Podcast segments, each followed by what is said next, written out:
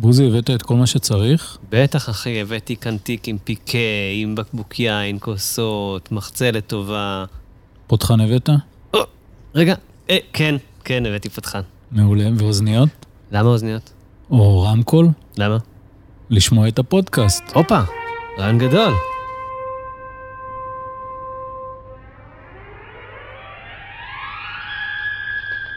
אתה הולך להדריך אותנו? נראה לך? הבאתי פה את שני מדריכי קרם דה לה פרש של מצפה רמון, את משה קוגן ואת נדב סילברט. וואו, שמעתי שהם תותחים. אחי, חבל לך על האף. הנה בוזי, בפנייה הזאת, קח שמאלה. אוקיי, ואיפה לעצור? פה פה.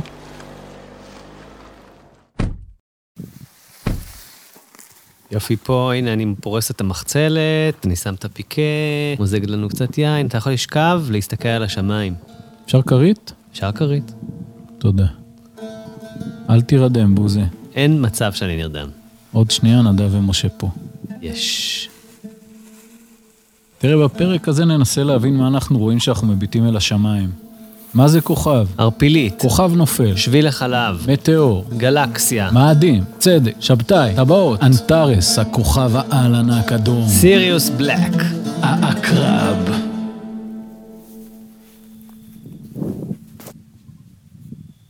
וואי, איזה שמיים יפים. כמה כוכבים, אור. שלום וברוכים השבים להסכת שומעים כוכבים. אני מאור בקל, ואיתי פה בוזי רביב. וואי, כוכב נופל. אני הבאתי מפת שמיים בשבילנו, אבל אני רוצה. לומר לחבר'ה שמאזינים לנו, לא שבאתר תיירות הר הנגב יש לכם מפות שמיים שיעזרו להכווין את המבט על הכוכבים שאנחנו מדברים עליהם היום. וואי, איזה יופי. אנחנו גם ממליצים להשתמש באפליקציית מפת. השמיים המועדפת עליכם. חוץ מזה, השמיים כל אני חייב להגיד. שאירוע פרסאידים בכלל. וההסכת הזה, הופקו על ידי. המועצה המקומית מצפה רמון וסוכנות החלל הישראלית, בתמיכת משרד התיירות ובשיתוף BGU רדיו, אוניברסיטת בן גוריון. בנגב. כמה כוכבים, אה? אחי, אני במאורות. אבל מה עם המדריכים שהבטחת לי? נדב סילברט ומשה קוגן אה, צריכים להגיע כל רגע. אה, הנה משה בא. שלום לכל המאזינים, אני משה. אז יצאנו מהעיר, נהדר. כבר רואים הרבה יותר כוכבים, אבל ככל שאנחנו נחכה יותר, אתם תראו עוד יותר כוכבים. מה שיקרה בדקות הקרובות, שבהם לא תסתכלו על פנסים, על אור, העיניים שלכם יסתכלו על תנאי החושך. וככל שזה יקרה, לעין שלכם כבר יש את המנגנון להפעיל את ראיית הלילה.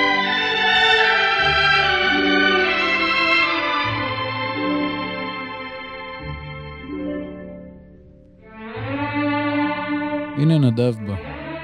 נדב, למה אנחנו רואים דווקא פה כל כך הרבה כוכבים? היום המין האנושי משתמש באופן מופרז ולא פרופורציונלי בתאורה מלאכותית. כשאנחנו מרימים את עינינו למעלה, ממרכז תל אביב או מערים הומות אחרות, אנחנו רואים צבע כתום, אנחנו זוכים אולי לראות את הירח או איזה כוכב אחד, שניים בולטים ובוהקים. בעצם נגזל מאיתנו, נגזל מהמין האנושי היכולת להתפעל מהיקום המקיף אותנו. מקומות שמתחילים להכיר בכך יותר, מתחילים לתת את הדגש על נושא זיהום האור. אה, במצפה רמון לדוגמה, כל תאורת הרחוב הוחלפה כדי לא ליצור זיהום אור. ישנם ערים נוספות כאלה. חבר'ס, לפני שנכנסים להדרכה, אני חושב להכין תה. מישהו בעניין? יש חלב לשוקו? אחי, אתה יודע למה שולחים פרה לחלל? למה? בשביל החלב. אז כשמביטים למעלה, אחרי שהתרגלנו לחוסר התאורה הזאתי, אנחנו מתחילים לראות כל מיני דברים בשמיים. אולי הדברים הבולטים ביותר זה אלפי הכוכבים. חלקם יזהרו יותר, חלקם פחות. אם למשל אתם תסתכלו על כוכב אנטארס, אתם תשימו לב שהכוכב הוא כתום אפילו אדום. אתם תסתכלו על כוכבים אחרים כמו וגה שהוא כוכב בולט מאוד, אז אתם תראו שהכוכב הוא יותר לבן נוטה לכחול. זאת אומרת, יש הבדלים בין הכוכבים. חלקם יהיו מאוד מאוד חזקים וחלקם גם פחות. כל הכוכבים האלה, שנמצאים בתוך הצבירים, נוצרים מתוך ערפיליות. ערפיליות יש מכל מיני סוגים, והם גופים סופר גדולים שעשויים, ובכן, מאבק, ערפל, מימן והליום, חומרים מאוד מאוד מאוד קלים, אבל בתוכם בכל זאת יש לפעמים אזורים קצת יותר מרוכזים, שיוצרים איזשהו מרכז משיכה כזה במשך מיליוני שנים. החומר מסביב נמשך אל אותם מרכזים, והוא הופך כבד יותר ויותר ויותר ויותר, וככל שהוא הופך להיות כבד יותר ויותר ויותר, ככה המרכז שלו מתחיל להתחכך. החום עולה עקב החיכוך הזה, ואנחנו מגיעים כבר לאלפי, עשרות אלפי, מיליוני ועשרות מיליוני מעלות קלווין, וברגע שאנחנו מגיעים ללחץ האדיר הזה ולטמפרטורה הגבוהה הזאת, מזל טוב, כוכב נולד. לא אחד, לא שניים, מאות, אלפים של כוכבים, והם כולם הסתדרו בתוך הצבירים האלה. הנה לכם התהליך ההיווצרות של הכוכבים, מתוך אבק לערפילית, ובסופו של דבר הם יסתדרו בתוך צבירים, הם יחיו שם כמה שנים, ואחר כך יהפכו להיות כוכבים בוגרים בתוך הגלקסיה. תנסו שנייה לחשוב מהו הכוכב הכי מוכר לכם? מהו הכוכב הכי... שאתם ככה יודעים שהוא כוכב? עוזי חיטמן. אל תגידו לי... הירח. אל תגידו לי הירח. הירח זה לא כוכב. לא, לא, לא. אה, כדור הארץ. גם כדור הארץ. לא כדור הארץ. זה לא כוכב, אולי זה כוכב לכת, אבל זה לא כוכב.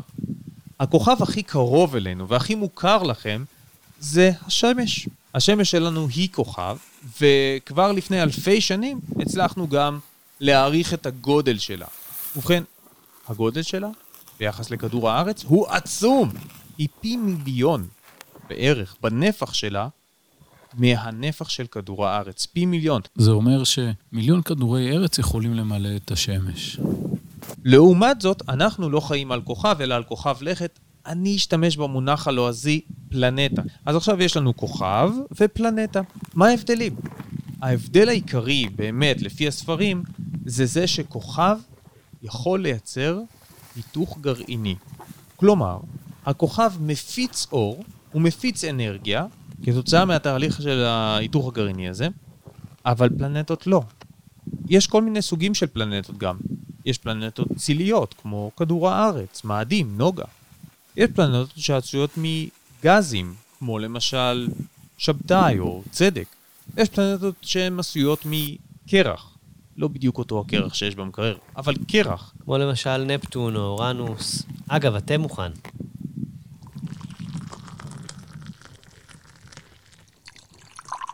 אז יש כל מיני סוגים של פלנטות, וכך גם לכוכבים. לכוכבים יש שני שמות.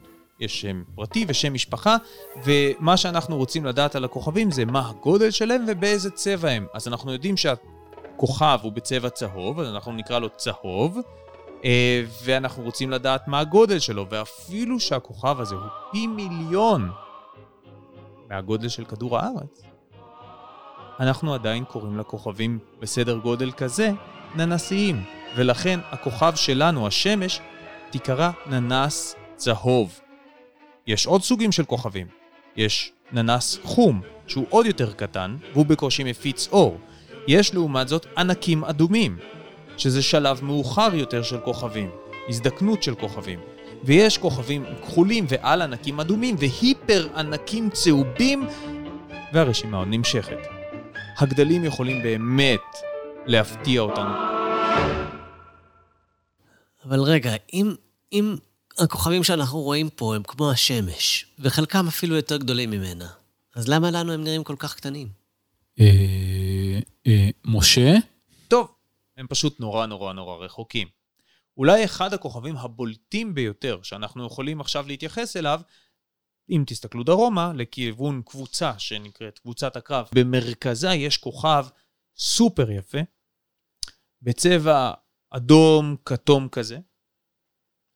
לכוכב הזה קוראים אנטרס.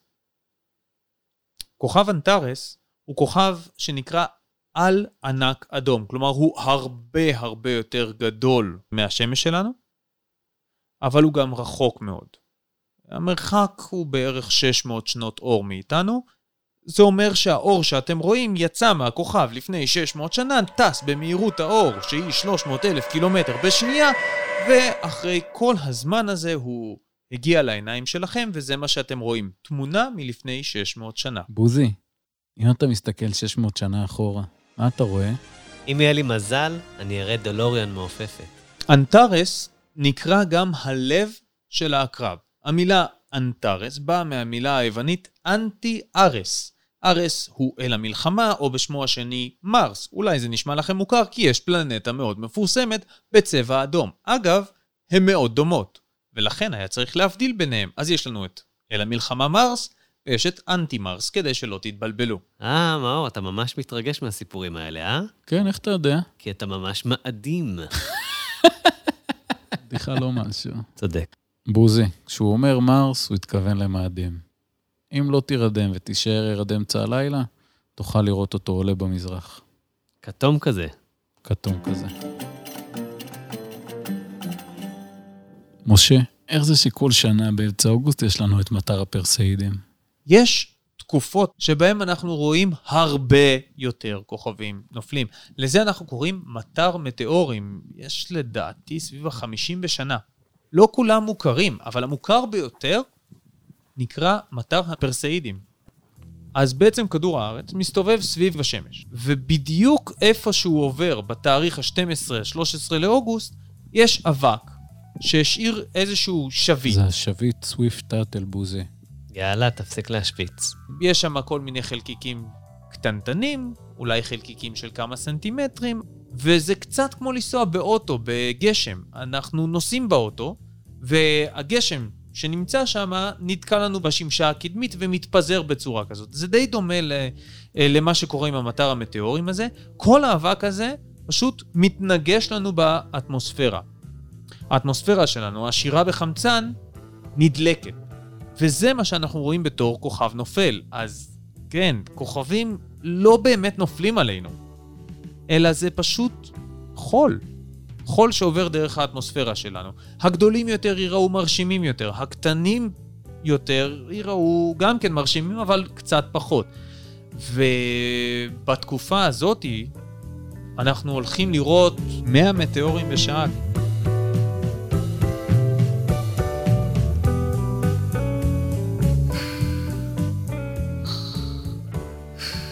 בוזי, מה? אל תירדם. מה? אל תירדם, נו. יש עוד הרבה מה לראות. תראה שם, תסתכל. בוזי, קום. מה? מה? איפה? כן? תגיד, אה, אה, תגיד. עבר? עבר?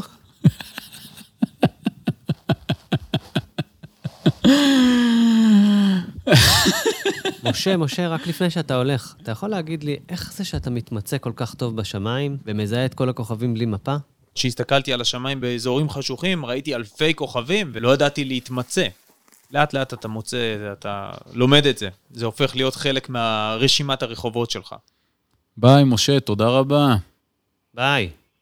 בואנה, איזה תותח הוא בוזי. חבל על הזמן, מאיפה שלפת אותו?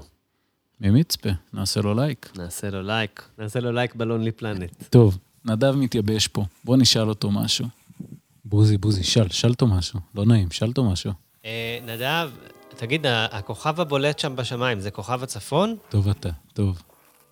הנקודה הבוהקת ביותר שאנחנו רואים כרגע בשמיים היא הפלנטה צדק. הפלנטה צדק, הפלנטה הגדולה ביותר במערכת השמש שלנו, היא פי 316 יותר גדולה מאשר כדור הארץ. אם נכוון אליה המשקפת, אנחנו נוכל להבחין בכמה דברים מעניינים לגבי זה. משקפת שמגדילה כבר פי עשר, תצליח להבחין בפרטים נחמדים מאוד. לדוגמה, כשאנחנו מביטים על צדק, הוא לא יהיה עגול. צדק פחוס מעט. הסיבה לזה היא שלמרות שצדק כל כך גדול, הוא מסתובב סביב צירו מאוד מאוד מהר. פחות מפעם בעשר שעות. וזה הופך אותו לפחוס. הכוח הצנטרפיטלי מושך את קו המשווה שלו אל הצדדים, ואנחנו רואים אותו מעט מעוך. מצידיו של צדק, בקו ישר אנחנו יכולים להבחין בירכיו של צדק. סביב הפלנטות סובבים ירחים, גופים יותר קטנים מהפלנטות. ההגדרות המדויקות של מהי פלנטה ומהו ירח עדיין נתונות לוויכוח, כמה אובייקט צריך להיות גדול כדי שהוא ייחשב לירח, איך צריך להיראות המסלול בין הירח לבין הפלנטה אותה הוא סובב, אבל בסופו של דבר הכי פשוט לזכור, פלנטות סובבות סביב כוכבים, ירחים סובבים סביב פלנטות.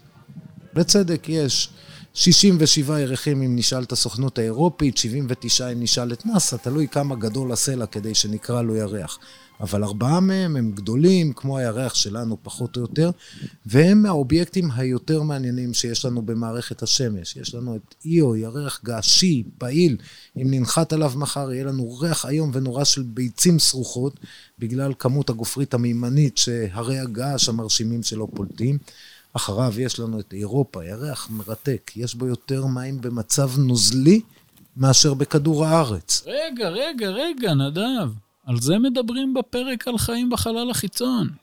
הירח הבא בתור הוא גנימד, הירח הגדול ביותר במערכת השמש, וירח נוסף שהוא דומה לאירופה, רק עם שכבת קרח עבה בהרבה, זהו קליסטו, גם הוא מאוד דומה, רק ששכבת הקרח שם מרשימה.